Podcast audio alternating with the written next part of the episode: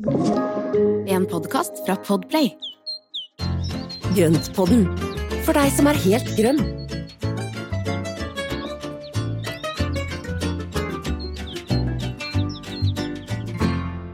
Hei og velkommen til enda en episode av Grønnpodden. Sammen med meg og med han Espen. Hallo Espen, går det bra?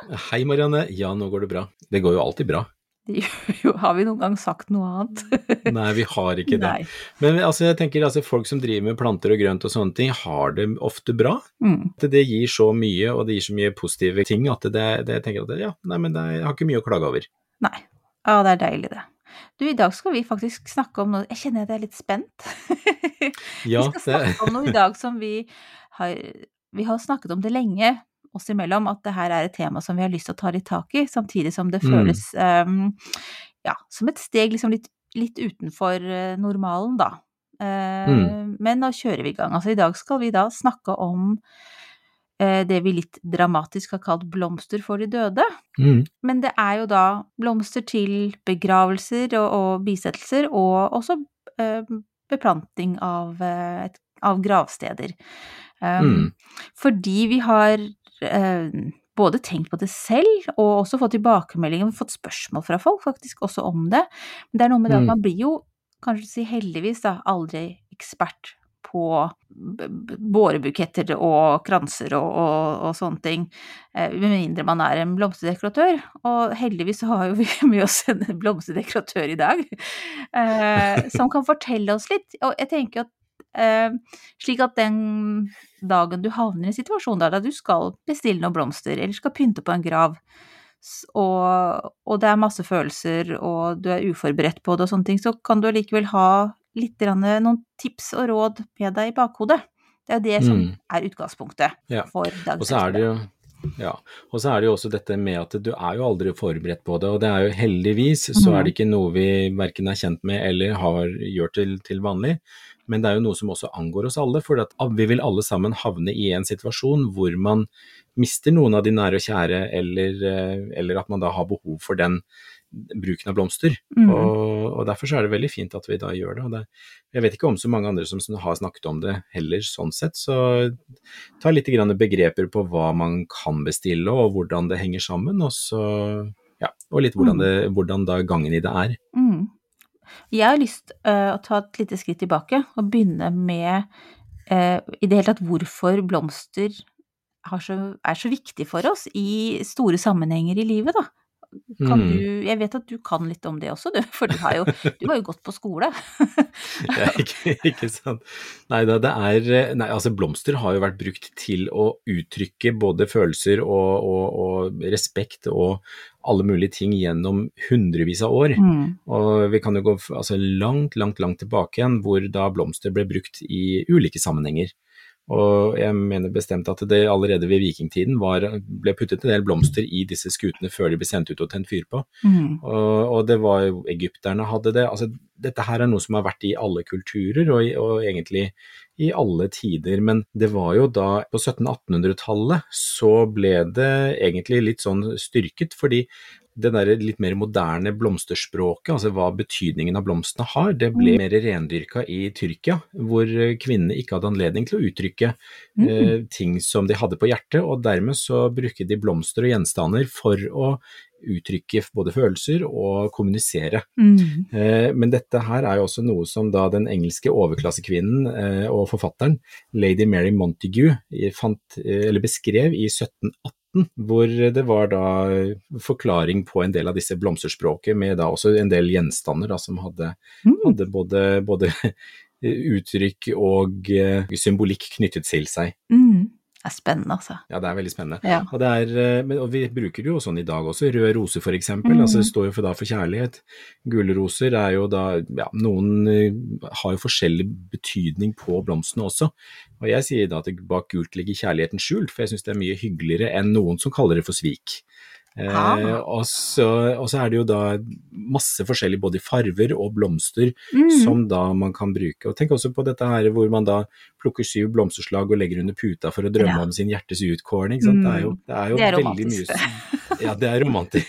Så, nei, så vi, har for, altså, vi har jo fryktelig mye blomster som vi bruker Mm. i hele dette her eh, uttrykksmønsteret vårt.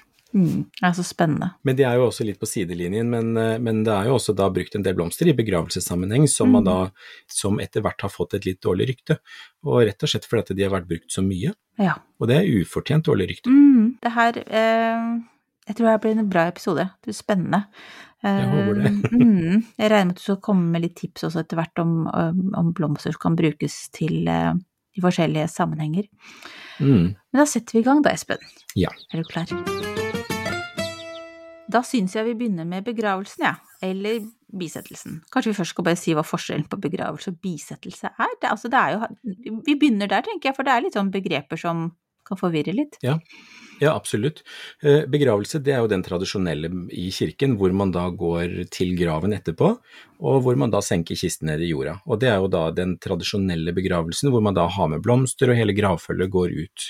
Mm. Eh, hvis man da har en bisettelse, så er det fordi enten så er det ikke der vedkommende skal begraves, eller at det er før en kremasjon, at man da Mm. skal kremeres, og dermed så blir kisten fraktet til krematoriet etterpå.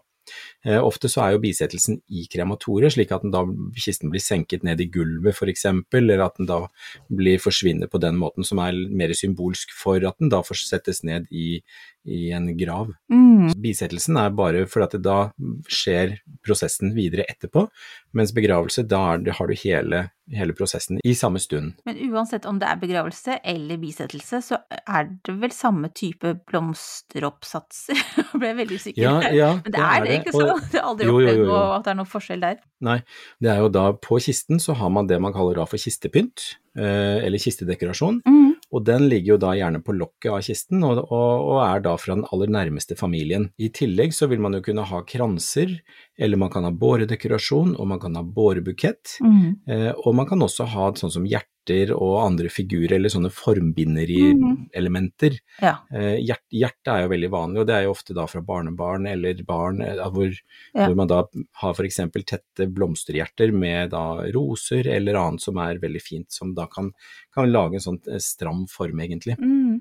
Men altså, jeg alltid det her, Nå føler jeg meg litt dum, men jeg har heldigvis ikke bestilt så mye blomster til begravelse før. Men Ja, men det Altså, bra jeg det. Trodde bårebukett var det som var på toppen av kisten, ja, men det heter altså kistedekorasjon. det er en kistepynt Kiste- eller kistedekorasjon. Ja. Mm. Hva er da en bårebukett? Er det de mindre Ja, bukettene som Eller ja. Ja, det stemmer. Og et bårebukett, det er da en bukett som bindes i hånda med en flat bakside, som enten kan settes i en vase med da fronten fram mot eh, de som sitter i, i, i kirken, Mm. Eller at den da legges på gulvet. Og det med at den har en flat bakside, det betyr at det da, da kan den enten stå eller ligge og ha en veldig tydelig front. Ja.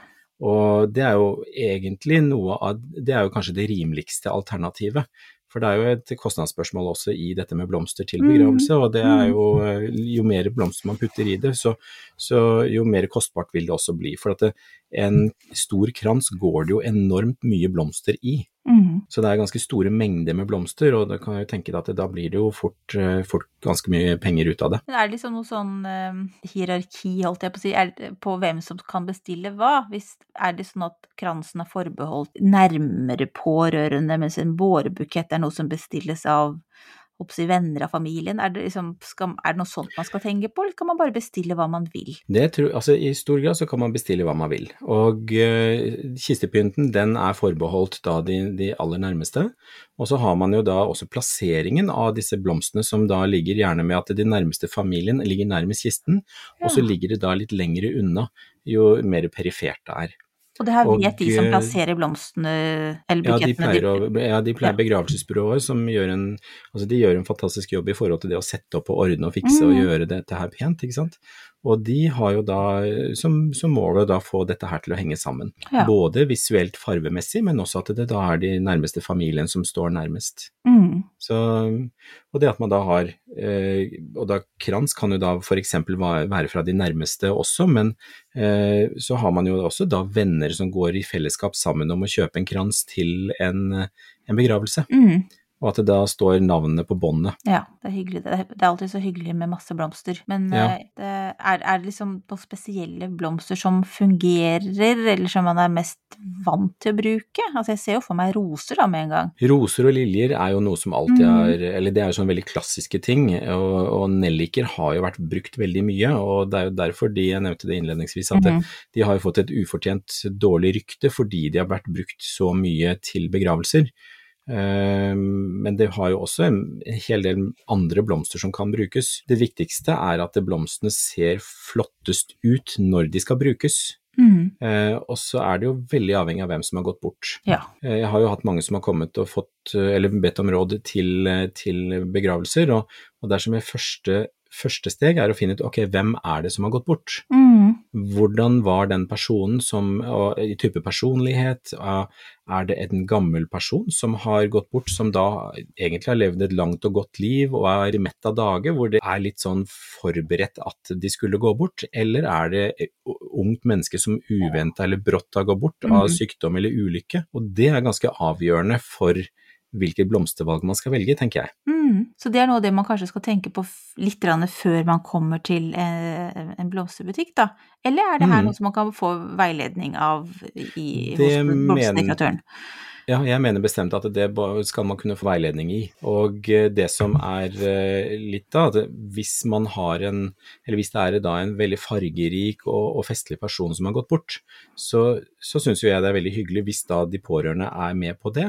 At man da kan lage noe som er litt sprekere i fargevalget. Mm. Og man da kan gjenskape noe av den personligheten til den personen som, som da skal begraves. Mm. At eh, noe av det gjenskapes i de blomstene som er eh, rundt, og som skal være rammen for den siste hilsen og den avskjeden. Det er en fin tanke. Er det liksom direkte feil? altså, kan Nei, jeg tror egentlig ikke det. Det kan eh, igjen, det, det handler jo om da Det blir jo ekstremt individuelt. Mhm. Og eh, det kommer jo da som sagt an på både, både situasjonen rundt, men også den personen som har gått bort. Mm. og da ønskene fra de pårørende. Og det er jo også enkelte som da har uh, hatt tid på seg til å kunne planlegge også hvilke blomster man ønsker seg selv i begravelsen, Mm, Ja. og rett og slett gjøre det da mest mulig i tråd med da de ønskene som er Mm. lagt og de føringene som ligger der. Mm. Så, men så er det også noe med å tenke på sesongene. Hva er det som er fint i sesongen, og hva er det som er, eh, gjør, seg, gjør seg mest, egentlig? Mm. Jeg tenker også litt på det der med at hvis man f.eks. har en som er veldig glad i hagen sin, går det an da å Mm. ta med noen blomster fra den Altså kan blomsterdekoratøren inkludere det, for eksempel? Og liksom I ja. høyeste grad. Mm. Ja, i høyeste grad. Og eh, det er jo da å ta med da blomster fra hagen og si at ja, men jeg har lyst til at dette skal inkluderes i sorgbinderiet, Mm. så er det en kjempefin egentlig inngang til å få en fin sammenheng i dette her. Mm. Og ikke minst da denne tilknytningen til, til den avdøde. Ja. Så, og så er det også noe med at hvis du da har en blomsterhandler som da har flere av elementene i begravelsen, altså kistepynt, kanskje noen båredekorasjoner og kranser og sånne ting, så, så går det an å lage da en fin rød tråd som gjør at det alt sammen henger sammen, og Mm. at det da spiller litt på hverandres farger. Ja, ja, det hørtes veldig fint ut. Det blir en sånn helhet det, som er harmonisk. Ja. Mm. Og det er jo også noe med at man kan da ha overvekt av én blomst i en, en krans, men som bare kan være et anslag i en annen krans. Mm. At man da egentlig bygger, bygger både farver og former på, på den måten. Mm. Det er veldig mange ting å tenke på, men her tenker jeg at en god blomsterdekoratør vil kunne hjelpe massevis med gode råd på akkurat disse tingene. Altså, jeg tenkte jo, det her bør litt sånn, høres litt kaldt ut, men kanskje noe av det man bør ta stilling til før man tar kontakt, er egentlig budsjett. Selv om Hmm. det, og og selvsagt alle vil jo gi maks til noen Mm. man er glad i, men så klart man har jo også andre utgifter. Det er jo en begravelse, det koster jo Det koster Så mye. det må jo være lov ja. det også å eksempel si at eh, vi vil ha en frodig eh, dekorasjon, men kanskje vi skal holde oss til litt rimeligere blomster. Altså, mm. det må jo også være lov å si. Det er veldig lov, og det er, og det er jo selvsagt det er jo, Man har jo som regel ikke ubegrensa med midler, så det, det tenker jeg at det er helt fint å, å, å spille inn det også. Mm. Og så er det jo også noe med å bruke da blomster som gjør mye ut av seg. Og Mm. jeg har jo laget kistepynt som da bare bestått av noen få enkle blomster, og som da heller ikke koster så, så mye, fordi den var en veldig sånn stram, ren og egentlig litt, hvis man kan kalle det gøyal, eh, kistepynt. Mhm. Eh, for at det var en veldig kreativ person som da hadde gått bort, som, eh, som da jeg, hvor det da var rom for det. Og det var eh, allium, sånne lange, store allium, og det var solsikker, det var liksom, det var helt, helt masse farger. Mhm. Og veldig stramt, veldig rent, og egentlig sånn morsomt, men den ble jo ikke dyr i det hele tatt. Nei. Eh, fordi det var veldig få og litt morsomme blomster i den. Mm. Eh, alternativt kan man bruke forskjellige grønntoner av mye grønt, som da fyller ut og gjør det Mm. raust og frodig, og som heller ikke koster all verden. Ja. Og så kan man da fylle inn da gode blomster som da vises og syns godt, som er ordentlig utsprungne. Mm, Ikke sant, at man er plukker de riktige blomstene sånn sett. Ja, Og det er også en av de tingene, at blomster, altså en, en begravelse, så skal blomstene være på det absolutte flotteste. Eh, de skal jo helst ikke være i knopp, for at da, da syns de jo ikke så veldig mye, men de skal heller ikke være visne. Nei. Så det er den der balansen å finne akkurat de blomstene som er på det flotteste den dagen. Mhm.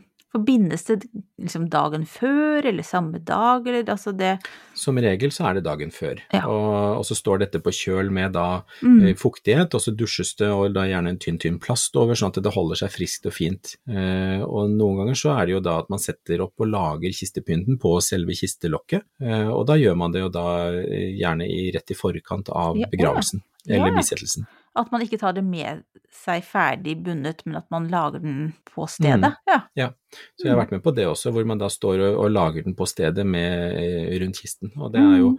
da kan man lage ferdig en del, altså det, litt av det grønne, og så kan man sette på, og så kan man da fylle ut med blomster og få det til å, passe helt perfekt i forhold til Mm. kistelokket. ja Så- er, det noen som noen gang det- lager sin egen dekorasjon? Har du hørt om det noen gang? Nei, altså at de pårørende lager sine Ja. egne? Nei, ikke egentlig. Jeg, jeg har gjort det da min, da min kjære mormor gikk bort, så Ja. lagde jeg alt. Og det, det er jo det er jo veldig sterkt å lage til, egentlig til alle, men det er Mm. spesielt når man da, når man da lager til noen av sine nærmeste. Mm. Så, så det var både, ja, både svigerfar og, og mormor har jeg laga, laga alt sammen til, og det er jo en veldig, veldig spesiell opplevelse. Mm. Ja, det kan jeg tenke meg.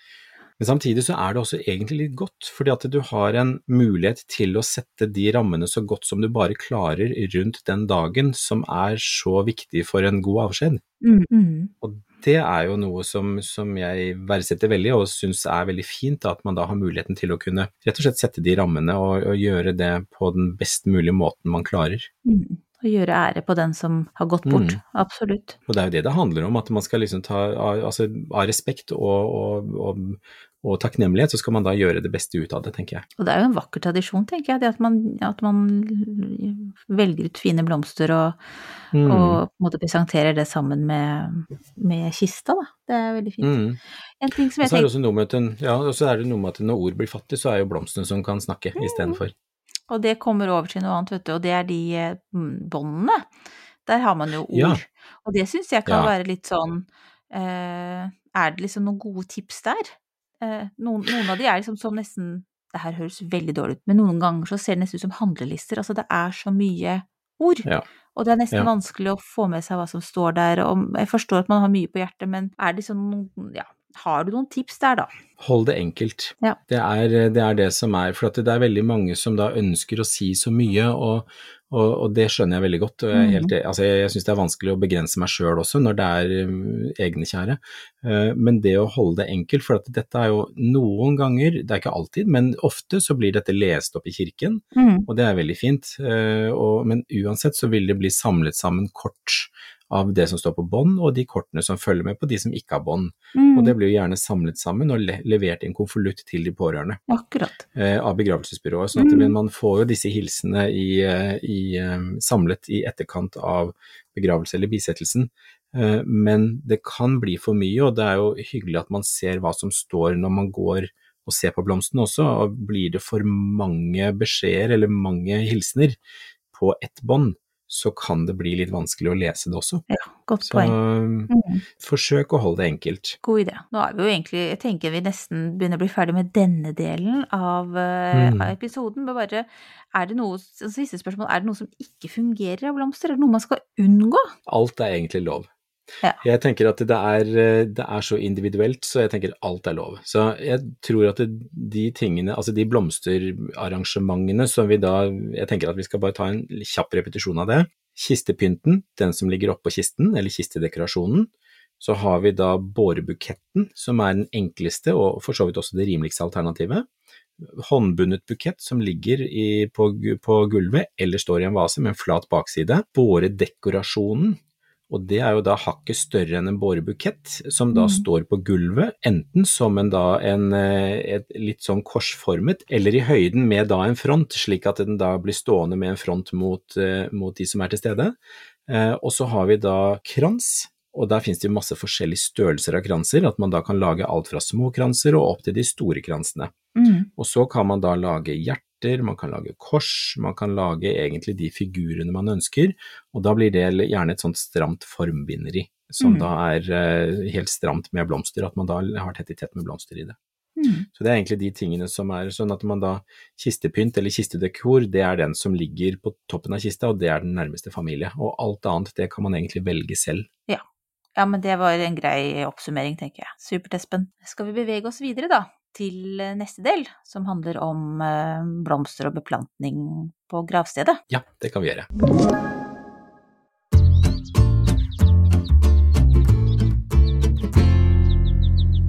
Kistepydd, altså det må jeg bare huske, for det har jeg alltid trodd var bårebukett, som sagt, så det må jeg bare liksom repetere nå for meg Mm. selv, hva det heter. Men det er veldig greit å kunne de ulike begrepene, så takk for den gjennomgangen. Jeg håper ingen syns vi er morbide, men jeg, jeg syns jo Jeg syns det her er veldig interessant, jeg. Altså, det jo Men det er jo men det er noe som angår oss alle, og det er før eller siden. Og det er Mm. jo og derfor så, så syns jeg egentlig det er litt fint å, å, å ta det opp. Det handler jo i alt i alt om å bare sette de der fine rammene rundt viktige merkedager i livet vårt. Mm. Og en, en avskjed på denne måten er jo også en merkedag. Absolutt. Så- det er jo noe gjerne man vil da- liksom, si- tenke tilbake på at man føler at man fikk til det så godt som mulig, Mm. tenker jeg. Og at det var respektfullt og pent, Mm. og at det var ordentlig, og at det var liksom sånn at man da tenker tilbake at ja, nei, men det var en fin avskjed. Mm. Det, er, det er kjempeviktig. Da skal vi videre altså til minnestedet.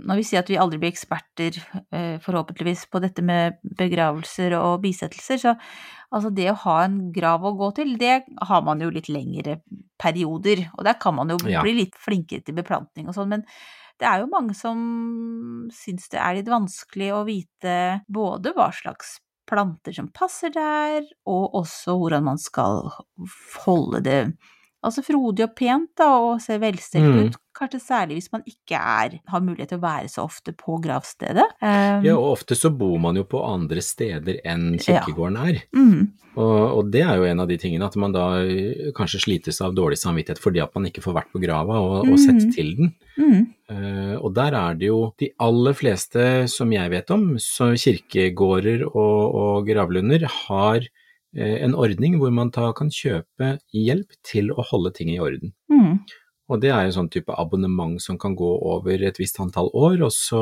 og så vil de da holde et øye med den og vil plante på våren og holde de i stand og, og rett og slett sørge for at det ser pent ut. mm. For det må jeg si at noe av det tristeste jeg ser når jeg går på en kirkegård, er jo da de gravstedene som da bare er helt gjengrodd og mosegrodd og ikke Så det, det virker ikke som noen har vært der på 100 år, og det, Mm. det, det er helt forferdelig. For jeg tenker at det, det er jo Ja, det er jo, en, det er jo noe med å ha respekt for de som, som har vært eller som ligger der, da. Mm. Det er jo et bånd mellom ja, de som lever og de som har levd. Så er det hyggelig å kunne ha et sted å besøke og minnes. Mm, absolutt. Det er et godt sted man kan gå og tenke litt og føle at man har litt, sånn, har litt nærhet, da, på en eller annen måte. Mm. Men det er jo også en del av de kirkegårdene som jeg har vært innom, så, så er det jo en veldig fin ro. Mm. Og så er det veldig sånn, ofte sånn der godt beplanta med trær, og det er, fi, altså det er jo sånn veldig fint og rolig område, og det, det er jo en sånn helt eh, særegen egen følelse å være der. Jeg syns jeg har eh, Jeg syns det kan være ganske hyggelig å gå rundt på en, eh, en gravlund. Nettopp fordi, som du sier, det er liksom, Som regel så er det jo godt tatt vare på, og det er eh, ja, litt sånn orden og ja, litt harmoni, Mm. egentlig. Men jeg, jeg vet ikke om jeg skal ta med det her, Espen. Jeg, må, jeg har jo også vært på en, en litt annerledes eh, kirkegård, eh, som Ja. var litt sånn original. Eh, der hadde de blant annet en sortlakkert sånn sementblander med blomster i. Altså der var det veldig Oi. originalt, og det kjente jeg at det traff ikke helt meg. Jeg, jeg er nok litt Nei. konservativ der, at jeg vil at det liksom skal være litt sånn gammeldags, jeg. At de hadde Mm. drivhus med grill og Ja, men i alle dager. det, Hørtes jo veldig- er, men det var, var veldig jeg, jeg gikk liksom med eh, munnen på gap. Ja, det høres jo veldig annerledes ut, Mm. men samtidig så er det jo en, en del kulturer man feirer døden. mm, Altså man feirer jo døden med en stor fest fordi at man da går videre til neste steg. ja. Og, og det er jo en av de tingene, som man har jo i ulike deler av verden så har vi også en veldig stor, stor altså, eller veldig ulik tolkning av Mm. dette med å da gå videre til neste fase. Ja, ja nei, så det var jo kanskje et eksempel på det, da. Du Eh, sement, sementblander, ja. Det var Ja, jeg vet ikke. Det var eh, Nei, men så tenkte jeg kanskje, kanskje det var eh, Kanskje man ikke hadde råd til jeg holdt på å si dyrere type dekorasjon, da. Så fant man at det var litt morsomt, og kanskje det hadde noe henspeiling på områdets uh, historie, eller, eller, til, sånt. eller til personen som ligger der. Ja. at det Nei, kan det være sånn noe som har betydning. Det var sånn ved inngangen, oh, ja. så var det en sementblad med blomster. Oh. Ja, Oi, veldig, oi, oi. Det var veldig spesielt, ja. Så ja, det var ja, aldri vært med på det. Men du, nå er vi ute, faktisk klarer vi å, å gå litt ut på viddene også i Ja, denne episoden. Også oss, i denne episoden. Også denne episoden.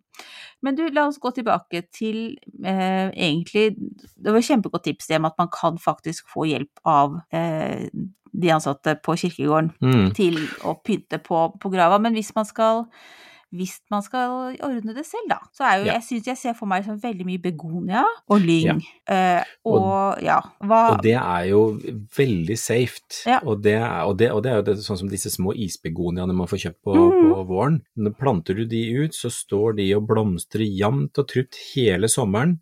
Og nå på sensommer og høst så er de altså helt fantastiske. De blir ikke for store, de blomstrer rikt, de tåler det meste, og de holder det gående. Og Mm. det er en sånn veldig takknemlig plante å ha på kirkegården. Ja. Så egentlig, de aller fleste begonia-variantene står kjempefint. Eh, og så har du, som du nevnte, lyngplantene, eh, som også står veldig fint. Og det er jo nå fra nå og utover, eh, eller nå i august og utover. Og så Mm. har du også sånne, altså krysantemum. Men ildtoppen, den gode gamle ildtoppen, den Ja. funker også veldig fint utendørs på sommeren. Så det er også noe som kan holde lang, lang, lang, lang tid. mm, og så har du også da små potteroser og fuksia og sånne ting. Og så har du disse her små kantlobeliaene, mm, de blå, de kjempefine små lå- blå. mm, Da må man velge de som da står som er kantlobelia, og ikke de hengelobeliaene. ja, For det er to de- forskjellige varianter. Ja, Mm. mm, klart det. Og, eh, og det å ha da litt forskjellig, men man kan jo fint ha noen små stauder der. Mm, det var det jeg tenkte på. Det er jo, varer jo litt lenger òg. Mm. Men de er jo, de aller fleste staudene de er jo sånn at de blomstrer på en viss tid av året, og så er de ferdig. Mm. Eh, Så det å da ha en, også supplere med noe som da kan blomstre videre utover, og jeg tenker at det er jo kjempefint med sånn som da disse her vårblomstrende løkene, altså man kan sette ned noe løk på Mm. grava, Mm. det er kjempefint. Men det jeg tenkte også å si, det er at det finnes jo også da en, eh, en veldig fin ordning med selvvanning, for at hvis det er gravplasser hvor ikke det er så gode på vanning, og hvor det er veldig tørt, så finnes det en sånn balje som man kan grave ned og ha som plantekar. Mm. Og Det da var godt kan man tips. da Ja, så bra. For at det er jo en sånn du, du, Det er jo ja, Jeg tror de får seg i litt forskjellige størrelser, men da kan den få seg da cirka bredde på, på steinen. Og så graver man den ned. Og så kan man da fylle jorda tilbake oppi det karet, og så vil den da holde på vannet og magasinere ut det. For at det da, Mm. da ligger et lite vannreservoar nedi. Og når man er og steller den, så kan man da fylle på med en kanne, og så er den eh, good to go i ganske lang tid. Hvor får man tak i det her? Er det sånn gjengs i alle butikker? Det, det hørtes ut som Nei, noe det finnes på nett. eh, Det, jeg vet ikke, jeg husker ikke helt hva det heter, men jeg kan ta så prøve å finne ut av det. Mm. Men jeg har sett det flere steder, og de, det finnes på nett. Men jeg tenkte på litt tilbake til hva man skal plante oppi der. Kan man egentlig egentlig tenke litt sånn som at man skal lage rett og slett et, et bed som holder gjennom alle sesonger? At man har, Ja. som du sier, noe til våren, og så har man noe som blomstrer på forsommeren Mm. og på sensommeren, og så kanskje noe som får små si, røde bær om høsten, og kanskje noe som er vintergrønt. Altså jeg vet ikke hvor mye man får plass til, Ja. men at man liksom Nei, for det er jo, begre altså, det er jo plassen, ikke sant. Det er jo veldig begrensa med plass. Så derfor så er det lurt å bytte ut noe, eller å ha noe som da holder så lenge. Og det er jo derfor begoniaen er så god, god, for at den, den holder så lenge. Og så er det også noe med at det, skal ikke bli for stort. Nei. For at hvis det blir for høyt og svært, så, så, så dekker den jo til teksten på steinen, og, Mm. og da blir den litt borte. Mm. Så det å ha noe som da holder seg lavt, så Sånn som på våren så kan man jo plante ned f.eks. perle, eller på høsten da, plante ned noen noe perleblomster og iris og litt sånne små, lave blomster, også, Mm. som da kan visne fort ned, og så kan det komme andre ting som kan ta over. Mm. Og, Og så tenker jeg også at hvis den som ligger der hadde en favorittblomst som kan Ja. passe, så er jo det veldig fint også å plante det der. Definitivt. Mm. Og det vet jeg at, eh, at, at det er gjort på grava til svigerfar, og der, der er det jo mogop, altså pulsatilla, den der eh, Ja. kubjella. Mm. Og den står jo den står så fint på våren og, Mm. og med da blå blomster, og så får den da kjempefin frøstand etterpå. Ja, ja og den står jo der lang tid utover. Mm. Så det å bruke ting som da har en stor betydning, det er kjempe, kjempeålreit, altså. Mm. Ja. Så da er det jo altså. Det er jo litt sånn fantasien som setter grenser også Mm. på plantevalgene. Tenk på sånne små trær og sånt, er det, er det noe forbud mot det? Jeg bare var på besøk i en Høres ut som jeg bare går på kirkegårder, men jeg, s- Mm. jeg var på et annet sted i nærheten her, og der hadde de noen gravsteder som hadde små trær. Jeg, altså Ja. sånn, er det liksom Er det lov? Eller går det an å gjøre? Det går jo an, men igjen dette her med at det ikke skal bli for stort, Mm. og eh, at ikke det blir for store, kraftige røtter, og Ja, at ikke det blir for stort. Så, så jeg tror nok at man eh, Det er greit å unngå de, som de, altså de store trærne, altså ting som Ja. blir for stort. Mm. Og velge da småvokste busker for eksempel, Mm. det kan man gjøre. Ja. Da finnes det jo veldig mange fine både vintergrønne og andre som da ikke blir så store, og som vokser veldig langsomt. Ja, og da kan man velge litt av det istedenfor. Ja, det er et godt tips. At man ikke tar Um, noe som liksom skyter i været på en sesong. Ja, Mm. og så er det jo selvfølgelig også så er det jo klimasonene våre. Altså vi har jo da åtte klimasoner, ikke sant. Og om vi da Mm. bor i fjellklima, eller om vi Mm. bor helt i, i syd med sone én, så, så er det ganske avgjørende i forhold til hva som også vil trives. Mm, så bra. Nå føler jeg meg litt klokere på det her òg, jeg, det. Og så er det så klart også, man kan jo også dekorere med eh, Altså, man har lykt, eller man har eh, en pen stein, Ja, eller noe sånt som er ved siden av. Det er med- jo også mulig. Ja, og ta med blomster fra hagen, og det, Ja. det er jo sånn som eh, så, som jeg husker veldig godt når jeg var, på, var med mormor og besøkte gravene, og det er jo da at tok med da blomster fra hagen og satte i en vase, og da har man jo da en vase i, enten i plast eller i, i, i stål, som da bare stikker ned i jorda, og så fyller den med vann, og da står blomstene ganske godt ute egentlig. Mm, Å ta med blomster fra egen hage og sette på grava er veldig hyggelig. det er veldig hyggelig. Kjempekoselig. Det blir litt sånn nesten litt hverdag over det, på en måte. At Mm. det er litt sånn nært. Så fint, Espen. Har du noe mer på hjertet når det gjelder graveplass, gravplass, eller?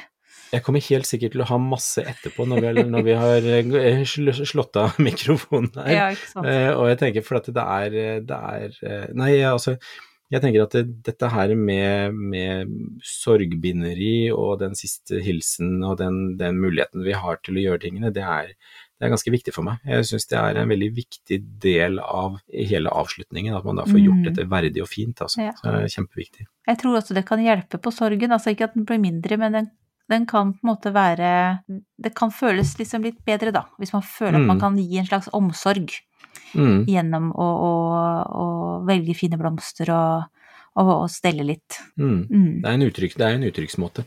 Ja. Du, skal vi avslutte med noen tips for dem som skal sende blomster til pårørende? Det har, for Ja. det jeg har hørt, er jo at noen eh, som altså får masse blomster, og noen syns det har, eh, liksom er nesten litt slitsomt, mens andre syns det er helt herlig. Er det sånn Mm. noe Det har vært veldig sånn eh, uklart spørsmål, egentlig. Men skal man liksom tenke på at man kanskje ikke skal ha en kjempestor bukett, for eksempel, da? Eller skal man sende med en vase, eller skal man vente til etter begravelsen, eller skal man Mm. Altså sånn Ja, og det er jo det er veldig Altså dette her igjen også er veldig individuelt, og så er det jo Mm. noen som da kanskje er, er på å holde begravelsen et annet sted enn hjemme. eh, og kanskje ikke er hjemme, og Mm. har ikke da tilgang på vaser eller oppbevaringsplass, eller kan ikke ha glede av alle disse blomstene som blir sendt. mm, Så, så det er jo Man kan jo velge da å sende en dekorasjon eller en plante istedenfor en bukett. Det var en god For at da står blomstene ferdig i en skål, eller at du får en blomst eller en plante som da eh, En blomstrende plante som da er fin og står i en potte. Mm. Og på den måten så kan man unngå da å, å vasene, for at det, vasene blir jo fort fylt opp, for man har jo ikke, altså de fleste har jo ikke så mange vaser. Mm. Så alternativet er også å sende med en vase også. Eh, Ja. Men det er jo, jeg syns jo at det er egentlig ganske greit å vente lite grann, for at det er jo i denne første uka hvor alt skal skje, og så er det veldig altså, for Jeg tror veldig mange opplever det som fryktelig kaotisk, fordi Ja. det, er så, det er så veldig mye følelser, og du er midt oppi en sorg, og så skal du organisere og ordne alt, i tillegg til at du skal liksom håndtere din egen sorg. Mm. Eh, så tenker jeg at det å, å Man kan jo sende en hilsen da, men at man da heller også husker på vedkommende når det har gått en uke eller to eller tre. Mm. Fordi den tomheten som kommer da i løpet av de nærmeste ukene etterpå, den tror jeg kan bli veldig øredøvende. Og da er det hyggelig å få en hilsen. Ja, det syns jeg var et godt avsluttende tips. Tusen takk, Espen.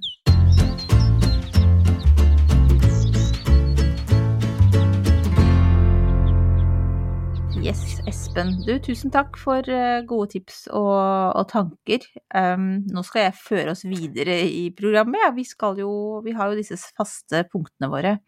Ja. Ukas plante. Ja. Mm. Og det er jo eh, en plante som er blitt brukt ganske mye i begravelser. Eh, Men den er også brukt veldig mye i brylluper, og er eh, egentlig litt sånn litt festlig, og er også brukt veldig mye i potteplanter, og det er kala.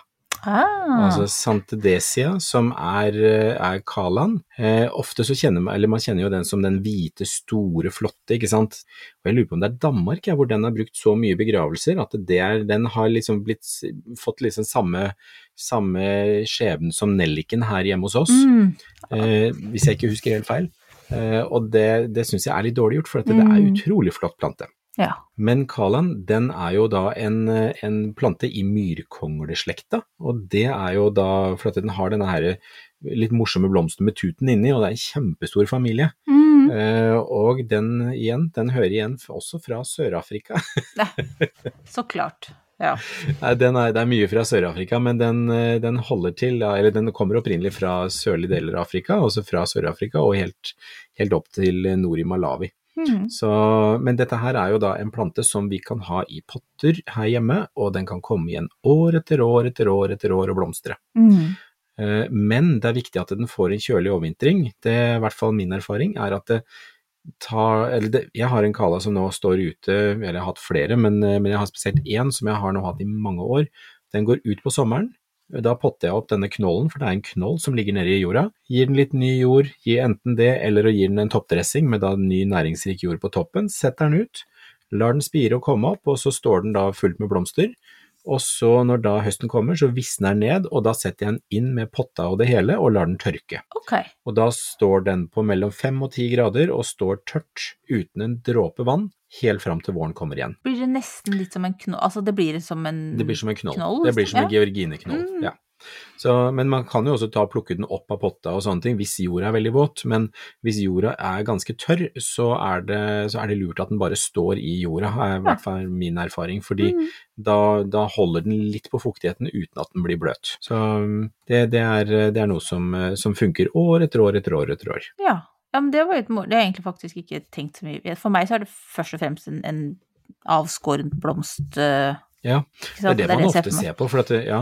Og hvis du har den avskåren, så er det lite tips er å da ha lite vann i vasen. De drikker ikke mye, og den stilken den råtner veldig fort hvis du får vann høyt opp på stilken. Mm. Så når du setter kalablomster eller avskårne kala i vase, så ikke ha mer enn et par, ja, kanskje tre centimeter i bunnen av vasen med vann, bare litt grann vann, og så la de stå i det. For at da holder de mye, mye lenger enn om du fyller opp vasen med vann. Ja, det var jo lurt å vite. Bare en liten skvett i bunnen av vasen, og da, Mm. da holder de ofte mye lenger enn det de ellers gjør. Det er, det er lite tips for av de avskårne. Supert. Da får ikke du lov til å si noe mer om Kala, for nå har vi allerede snakka mye mer. Jo, jeg må bare si noe til. Det er jo noen helt fantastiske farger.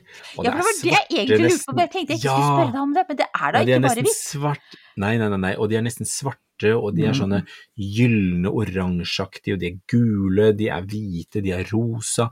Det er, eh, det er masse fine kaller. Det er så Jeg innbiller meg at jeg har sett noe som er sånn lilla-rosa, kan det være riktig, eller Ja, ja, blander ja, jeg ja. Ja, nå? nei, det er Nei, nydelig. det er, det er det. Og Det er noen litt av de sånn dramatisk og kjempefine sånn fantastisk, liksom litt sånn fjonge. Ja, Det er det. Mm. Det er veldig sånn, det er veldig, det er veldig, altså, veldig sånn festlige blomster, for at det er litt sånn høyreiste, morsomme, og så er det noen av de som også har kjempefine blader, Mm. sånn som den ene lysegule jeg har, som da har eh, grønne blader med nesten sånne, ser ut som det er spruta sånn hvit maling utover de, sånne små oh. dråper med hvit maling. Kjempelekkert. Ja. Kommer bildet. Yes, thank you. Ok, nå prøver jeg på nytt få oss videre. Dra oss videre. Dra oss videre. Men du, snakker, du nevnte jo georgineknoller, og det er jo ukens spørsmål. Eh, når skal jeg ta opp georginene? Og det lurer jeg også på, så det syns jeg var et veldig Ja. bra ukas spørsmål. Ja, men så bra. Nei, det var et spørsmål som dukket opp nå veldig nylig. Mm. Og det som er lurt å vente med georgine, det er at la de få en frastnatt eller to. De skal ikke trekke tilbake næringen fra bladverket ned til knollene. Så der er det om å gjøre at knollen får lov å utvikle seg så lenge som mulig, og så mye som mulig. Mm. Og så lar du de stå ute, for knollene de ligger under bakken, og det gjør at en frostnatt eller to skader ikke knollen. Men da ser du på bladverket at det blir litt sånn svart, og da klipper du det ned, og så graver du opp knollen, og så tar du vare på den. Så det skal bare få lov til å være altså, blader og blomster og alt liksom utover Mm. nå fram til Helt fram til frosten kommer. Og Ja. da ser du det på når frosten har vært, altså når du har hatt en eller to frostnetter, så ser du at bladene begynner å kollapse og bli litt svarte, og da tar du og rydder opp. Og da klipper du den ned, og så graver du opp knollene forsiktig, og så tar du og lar eh, det gresset, eller det, der, det som er over bakken, lar det bli kompost. Ja, så klart. Det regnet jeg nesten med at du skulle si. Bombe! Ja. Alltid godt. Yes, hva gjør du nå da, Espen? Ja, nå, da, nå kan du lure. Jeg Ja. har, jeg Jeg har fått visse sånne dag forvarsler på at det ja, her Guri land. Ja, faktisk i dag. Jeg holdt jo på, jeg, jeg holdt på å gå i lufta, for at jeg, jeg er på jakt etter belegningsstein til drivhuset mitt. Det er et lite drivhus, eller jeg har jo da en del bed og ting som går ned i bakken. Jeg trenger 7,5 kvadrat med belegningsstein, og så har jeg prøvd å få bestilt det på byggevarehus, eh, men når jeg da, på det ene stedet så var det vanskelig å få tak i, og det andre stedet så gikk det ikke an å bestille på nett. Og tredje stedet så ringer jeg og sier jo da, de hadde belegningsstein, men de hadde ikke den sanda som skal være under belegningssteinen. Nei. For at de klarte ikke å være konkurransedyktige på pris i forhold til en annen leverandør. Oi, Og så sjekka jeg da den andre leverandøren som de oppga, og så sier jeg at ja, men der har de ikke stein. Så jeg tenker, hva slags forretningsmodell er det? Hvis du da har Altså, du selger ikke plank og ikke spiker. Du må jo ha begge deler. Så, jeg ble, jeg ble, ja, så akkurat nå så er jeg litt sånn Så det driver jeg med. Så jeg driver og nøster i trådene fordi at jeg vil ha tak i belegningsstein, og jeg vil ha settesand, og jeg vil ha fugesand som er ugresshemmende. Og det skal inn i drivhuset, og det skal jeg gjøre nå i løpet av eh, forhåpentligvis uka, hvis jeg finner det og får tak i det. Det virker som jeg må ha sand fra et sted, og fugesand fra et annet sted, og stein fra et tredje sted, så det, ja. Så jeg, det var lille hjertesukke, men nå er det over. Men Hva med deg? Du gjør sikkert noe mye hyggeligere enn dette her. ja faktisk. Jeg, jeg spiser tomater. Det er det jeg gjør. Åh, så Endelig. deilig. Syns liksom alltid at det tar så lang tid før disse tomatene mine er klare. Men jeg har jo ikke noe drivhus, så Mm. klart, så det tar sin tid. Nei. Men nå altså, nå driver både disse eh, eh, salmarsanoene og Mm. også disse mindre fanden, sparker, jeg husker ikke hva de heter for noe, men det er i hvert fall sånne, skal være litt sånn lagringstomater. Lagringstomatene, ja. ja. Ja, jeg husker hva det heter for noe, men i hvert fall de mm. Jeg spiser jo alt uansett, så det blir ikke mye lagring der nå, altså. Men det er så deilig. Nei, nei. Herlig. Ja, så skjønner jeg Tomater, godt. tomater. Men de Mm. smaker jo så godt, men det er jo noe med de der solmå... Eller når de er modne, og spesielt når de har fått stått en stund på friland. Kjempegod smak. Ja. Jeg koser meg sånn med det. Ja, så bra. Nei, Ja. det hørtes ut som mye bedre enn det jeg driver med, så jeg skal prøve å ta en tomat i ny og ne også for å dempe på frustrasjonen. Det syns jeg du skal gjøre, Espen. Du, neste episode det blir noe helt annet. Ja, det gjør det. Da har vi tenkt til å oppfordre til å handle på salg, Ja. og gjøre noe plantekupp, Mm. eh, og eh, fortelle litt om det. Og vi skal også komme litt innom dette her med deling og For det er jo, hender jo at det er noen sånne planteloppemarkeder og sånn også på høsten. Så vi skal ta en liten runde med nye planter. Det blir bra. Ja, det gleder vi oss til. Mm. Så det blir også, det blir også det blir et stort sprang fra, fra i dag, men eh, det gjør jo ikke noe. Nei da. Vi, ta, vi takler noen store sprang. Mm. Men du, da er det ikke noe annet enn å si en ha det bra, da, og takk for oss. Tusen takk for i dag, og takk for at dere hørte på. Mm. Morna, morna. Ha det bra.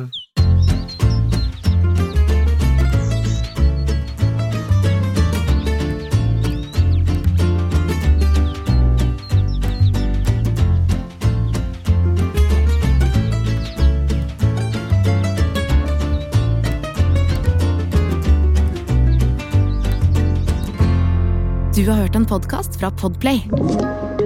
En enklere måte å høre podkast på. Last ned appen Podplay, eller se podplay.no.